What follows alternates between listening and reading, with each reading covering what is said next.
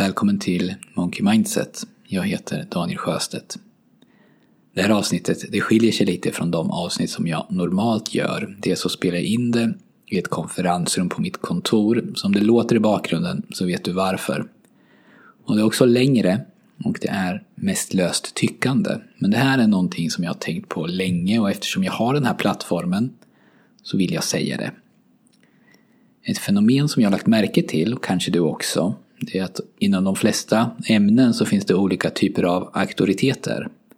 En typ, det är de som man skulle kunna säga har forskningsbakgrunden bland annat. De som skriver de här böckerna och rapporterna som andra forskare citerar. Och man behöver ju inte vara forskare för att befinna sig här utan jag menar i någon mån de som utgör etablissemanget. Och det kan ju förstås vara andra än forskare. Och så finns det de som når ut till massorna, alltså den som kan, åtminstone i vissa fall, ta den här forskningen, arbeta om den till begriplig form och sen presentera den på ett sätt som, som vanliga människor, och med det menar jag sånt som inte har specialkunskap inom ett visst ämne, som vanliga människor finner intressant. De här två grupperna består ofta av olika personer. Vissa befinner sig på bägge ställena samtidigt, men vanligast är nog ändå att det inte är så. Och det finns ofta en barriär mellan de här grupperna. Forskargruppen då, som jag kan kalla den, trots att jag vet att det är lite slarvigt, tycker ofta inte att den andra gruppen är helt okej. Okay. De tycker att de här personerna förenklar och skarvar. Och särskilt i vissa kretsar så är det inte prestigefullt att nå ut till allmänheten på det sätt som de här mer populistiska auktoriteterna gör. Och jag lägger ingen värdering i ordet populist utan i det här sammanhanget så betyder det bara att de är bra på det de gör, alltså att skapa en stor publik för sitt budskap. Och ibland så kan det till och med finnas en schism mellan de här grupperna. Och i februari och början på mars så pågick en diskussion om det här och det var en artikel på DN Debatt som gav upphov till diskussionen. Den 17 februari så publicerades en debattartikel med rubriken Allvarliga fel i många böcker med råd om kost och hälsa. Och författarna till artikeln de har följande titlar. Medicine doktor, professor i bioorganisk kemi, professor i psykoneuroimmunologi, medicine doktor och forskare, professor i fysiologi, legitimerad läkare. Så de här personerna vet onekligen vad de pratar om, det finns inget snack om det. Och i artikeln så efterlyser de en oberoende och vederhäftig instans som granskar innehållet i böcker som hävdar att de baseras på forskning och vetenskap. Och i det här fallet då inom kost och hälsa. Och nu citerar jag från artikeln. Syftet med en kvalitetsgranskning skulle vara att främja kunskapsspridning. Det skulle också kunna hjälpa bokförlag, bokhandlare och bibliotek att skilja ut böcker som håller hög vetenskaps, vetenskaplig kvalitet från titlar som borde klassas som skönlitterära. För att nå upp till kraven på kvalitetsstämpel skulle följande kriterier behöva vara uppfyllda. Och så listar de tre punkter. Punkt 1. Fakta som läggs fram i boken ska vara korrekta. Punkt 2. Om enstaka forskningsstudier citeras bör författaren kunna ange på vilket sätt dessa speglar forskningen i stort eller utgör ett undantag. Och punkt 3. Läsaren bör inte uppmanas att ta avstånd från evidensbaserad vetenskap eller sjukvårdens rekommendationer. Och så fortsätter de. Vi värnar om yttrandefriheten och rätten att skriva och publicera vilka texter man vill. Det vi efterlyser är helt enkelt en hjälp för läsare att få möjligheten att välja de böcker som förtjänar att stå bland faktaböckerna. Slut på citat. Och det här är ju onekligen ett väldigt gott syfte.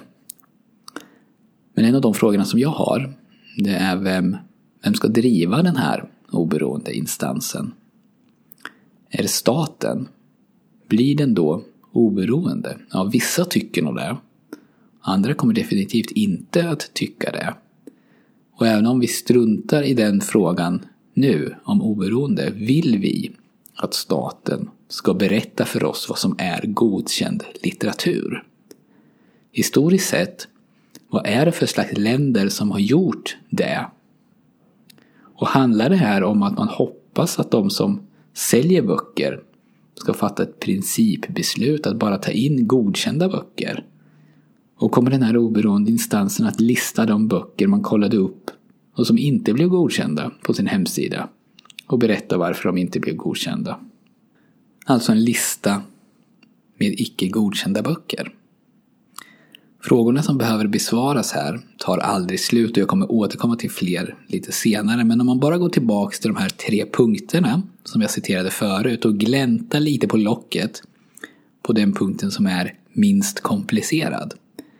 Fakta som läggs fram i boken ska vara korrekta. Så lyder punkten. Är fakta svart och vitt?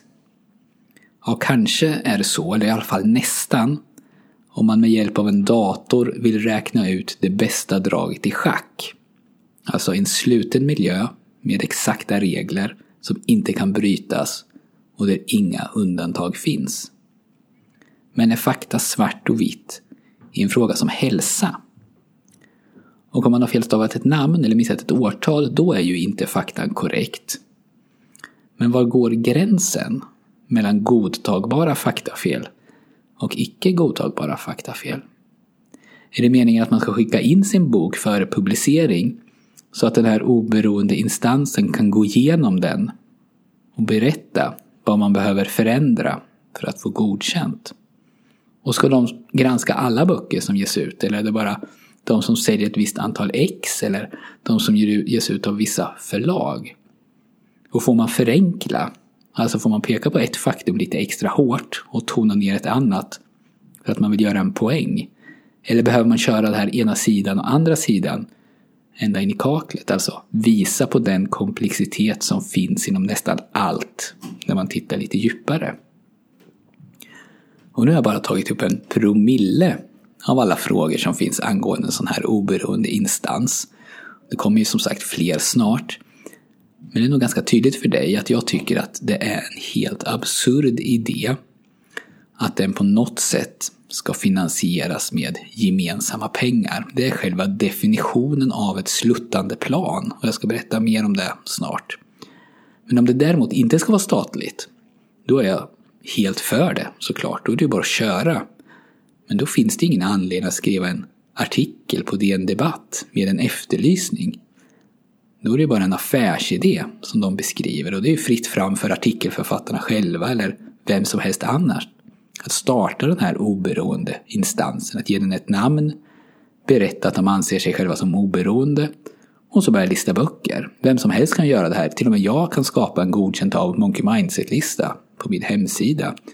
Och om du tycker den här podden eller det andra jag gör är bra så skulle du kanske kolla den listan lite då och då och köpa vissa böcker utefter den. För du litar i någon mån på mig som redaktör eller smakdomare. Det finns ingenting som hindrar att man börjar med det här redan imorgon.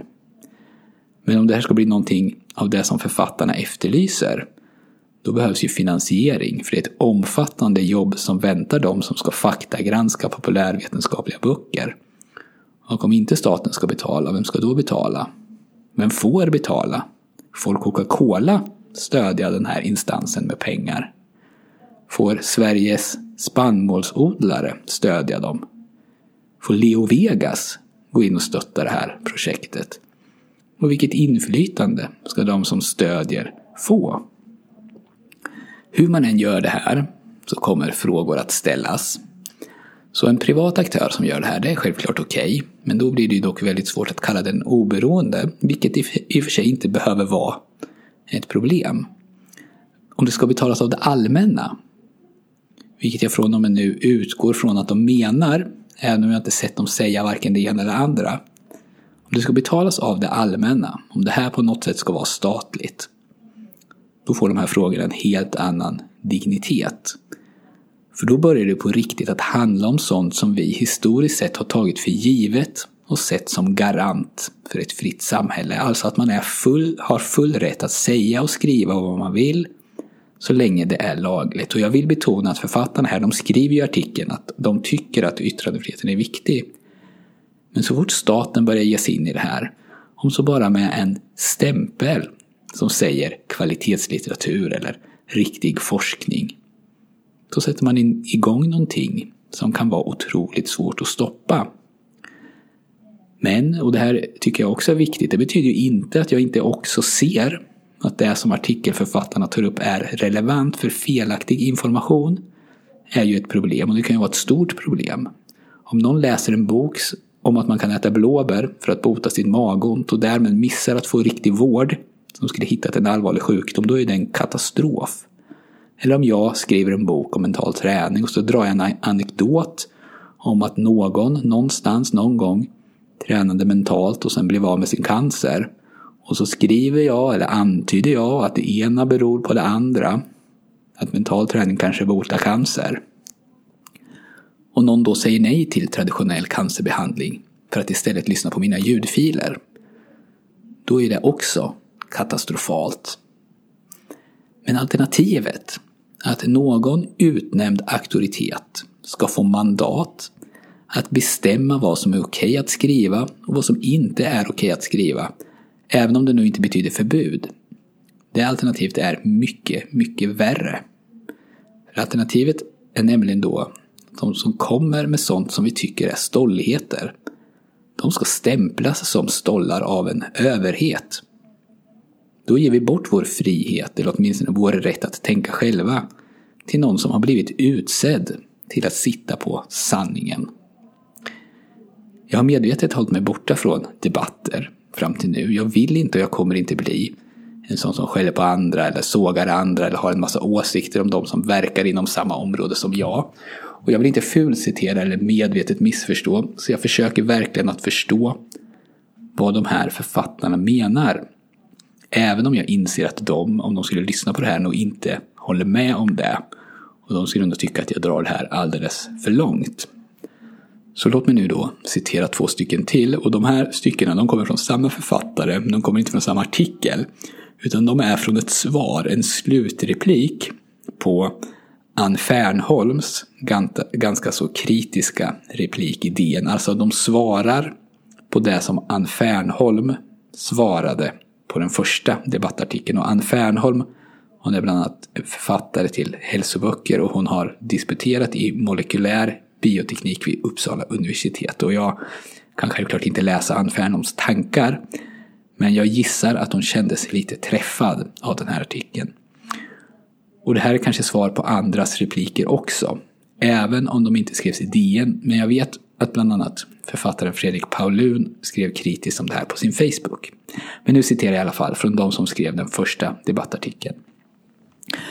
Vi har fått en stor mängd positiva reaktioner efter vårt förslag om möjligheten att kunna, men inte vara tvungen att, anlita en oberoende granskningsinstans av populärvetenskaplig litteratur som gör anspråk på att utgå från fakta och vetenskap. Vi har fokuserat på böcker inom hälsoområdet, men grundtanken med en granskningsinstans är allmängiltig. Och lite längre ner så skriver de några av de sammantaget fåtaliga negativa kommentarerna har uppkommit genom missuppfattningen om att förslaget gäller en censur av böcker. Detta är ett missförstånd. Vi skriver i debattartikeln att vi värnar om yttrandefriheten. Friheten att få säga i det närmsta vad man vill i tal och skrift utger fundament i demokratin. Det är dock inte samma sak som att det som sägs eller skrivs ej kan eller bör granskas och stå oemotsagt. Slut på citat. För det första så tror jag ingen, inte Ann Fernholm, inte Fredrik Paulun eller någon annan författare, kräver att få uttrycka sin åsikt utan att bli granskad eller att stå oemotsagd. Så att använda det som ett argument, det tycker jag faktiskt är lite billigt. Men de framhåller ju igen att de verkligen värnar om yttrandefriheten.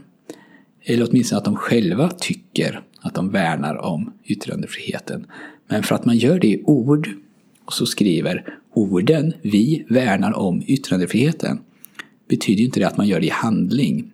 Särskilt inte om man, som de skriver, vill ha en granskningsinstans av populärvetenskaplig litteratur och att den till att börja med ska granska hälsoområdet men på sikt bli allmängiltig, alltså ska den gälla alla områden. All litteratur som ges ut, som kan räknas som populärvetenskaplig, vill de alltså att det ska finnas instanser som kan granska. Den som värnar yttrandefriheten ger alla full frihet att yttra sig inom lagen självklart. Även de som tycker, tror och säger sånt som jag själv inte håller med om. Till och med de som tycker, tror och säger sånt som jag själv fruktar kan vara farligt. Yttrandefriheten är inte bara solsken och gröna sommarängar. Den är också regn på skitiga bakgator i ett industriområde. Vill man ha det ena så behöver man stå ut med det andra. Det är därför yttrandefriheten så som den ser ut nu är så långtgående. För att ingen, särskilt inte staten, ska bli lockad att ge sig in och kladda i den. Om staten med kvalitetsstämplar börjar gradera vad som är mer okej okay och mindre okej okay att skriva så har man per definition börjat inskränka yttrandefriheten. Man skriver också att man ska ha möjlighet att få sin bok granskad men inte vara tvungen att göra det. Och vad betyder då det? Undrar jag. Betalar staten granskning då? Till den som vill? Eller kommer det att kosta att få sina böcker granskade? Och vem skulle i så fall betala den kostnaden? Är det författaren eller är det förlaget? Ska jag lägga ett eller två år av min tid på att skriva en bok och sen, innan jag ens sålt ett enda exemplar av den, skicka manuset till de här granskarna och betala för att få den godkänd eller icke godkänd? Låt mig ta ett exempel för att visa hur otroligt komplicerat det här skulle bli. En av de mest sålda populärvetenskapliga böckerna i hela världen de senaste tio åren, det är ju Tänka snabbt och långsamt av Daniel Kahneman. Hela den boken är fylld med forskningsreferenser och i slutet av boken så hittar man över 400 fotnötter, två appendix och en lång referenslista. Om Kahneman lämnar in den här boken till den oberoende instansen, skulle den då behöva granskas eller skulle den släppas igenom automatiskt? För Kahneman han är ju trots allt Nobelpristagare. Och om den skulle behöva granskas, vem skulle då granska den? Och hur mycket tid skulle det ta? Och vad skulle det kosta? Det skulle ta många år att granska all fakta och det skulle kosta många miljoner. Och om den inte skulle behöva granskas för att Kahnemans akademiska meriter gör honom trovärdig, var skulle då den gränsen dras? För vilka som inte behöver granskas? Behöver man vara professor? Eller räcker det att ha en kandidatexamen? Och behöver man ha sin akademiska titel inom exakt det fält man skriver sin bok?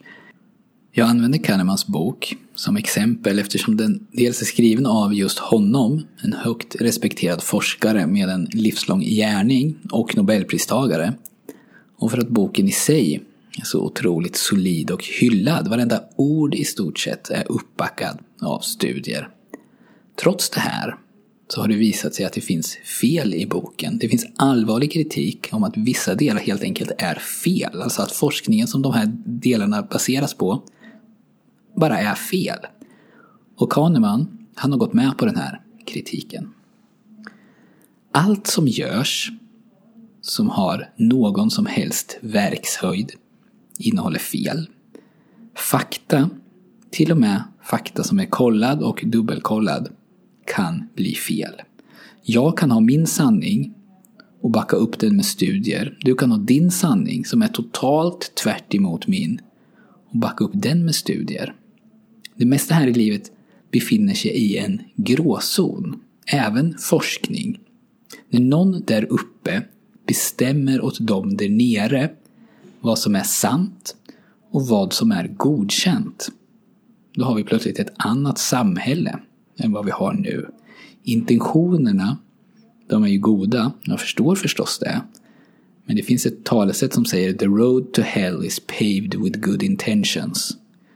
Och sällan så har det passat bättre än i det här fallet. Så vad ska vi göra istället då? Tyvärr finns det nog ingen lösning på det här. Om man med lösning menar att ingen människa någonsin ska följa dåliga råd och ingen människa någonsin ska behöva fara illa. Det handlar om det personliga ansvaret, även om, att, även om det är jättesvårt i vissa fall att ta det här ansvaret, att veta vad som är rätt och veta vad som är fel. Men de som anser sig ha kunskapen då, de kanske behöver bli bättre på att sprida den på ett sätt som tilltalar dem som kan gynnas av att få den. Och då kanske det krävs att forskare till exempel blir bättre på saker som inte är forskning. Alltså till exempel att paketera och sälja sitt budskap. Och om de inte vill det, vilket förstås är helt okej, okay, då behöver de kanske ta hjälp av sådana som har den kompetensen. Men att hindra andra, eller åtminstone att begränsa andras möjlighet att göra det här, kan inte vara rätt väg att gå på sikt. Och nu är exemplet hälsa här och om det här hade varit en isolerad debatt, alltså kost och hälsoböcker, då hade jag nog inte gått igång på det sättet som jag har gjort. Men jag tycker att det här är en utveckling i samhället som finns överlag idag. Där vi istället för att ta debatten försöker hindra eller försvåra för personer med andra åsikter att ens nå ut. Man fular ut de man tycker har fel. Och man gör det genom att hävda att man bryr sig om de som är svagare. Men det som du, de som du tycker har fel, de tycker att det är de som har rätt och att det är du som har fel. Som de får bestämma efter nästa val till exempel, finns ingenting som hindrar att de gör samma sak mot dig. Och vad som, man, vad som händer när man börjar göra så här, det är inte att vi börjar leva i harmoni med varandra. Tvärtom så skapar det här misstro och slitningar, både mellan de som bestämmer och oss andra men också mellan olika grupper av allmänheten. Jag tror jag, jag, tror jag stannar där. Jag har tagit bort nu ett, ett långt stycke där jag, där jag drog det här ännu längre, alltså vad som har hänt i de länder som försökt bestämma eller styra vad medborgarna ska tycka och tänka. För deras eget bästa, förstås. The road to hell is paved with good intentions. Tack så mycket för att du har lyssnat.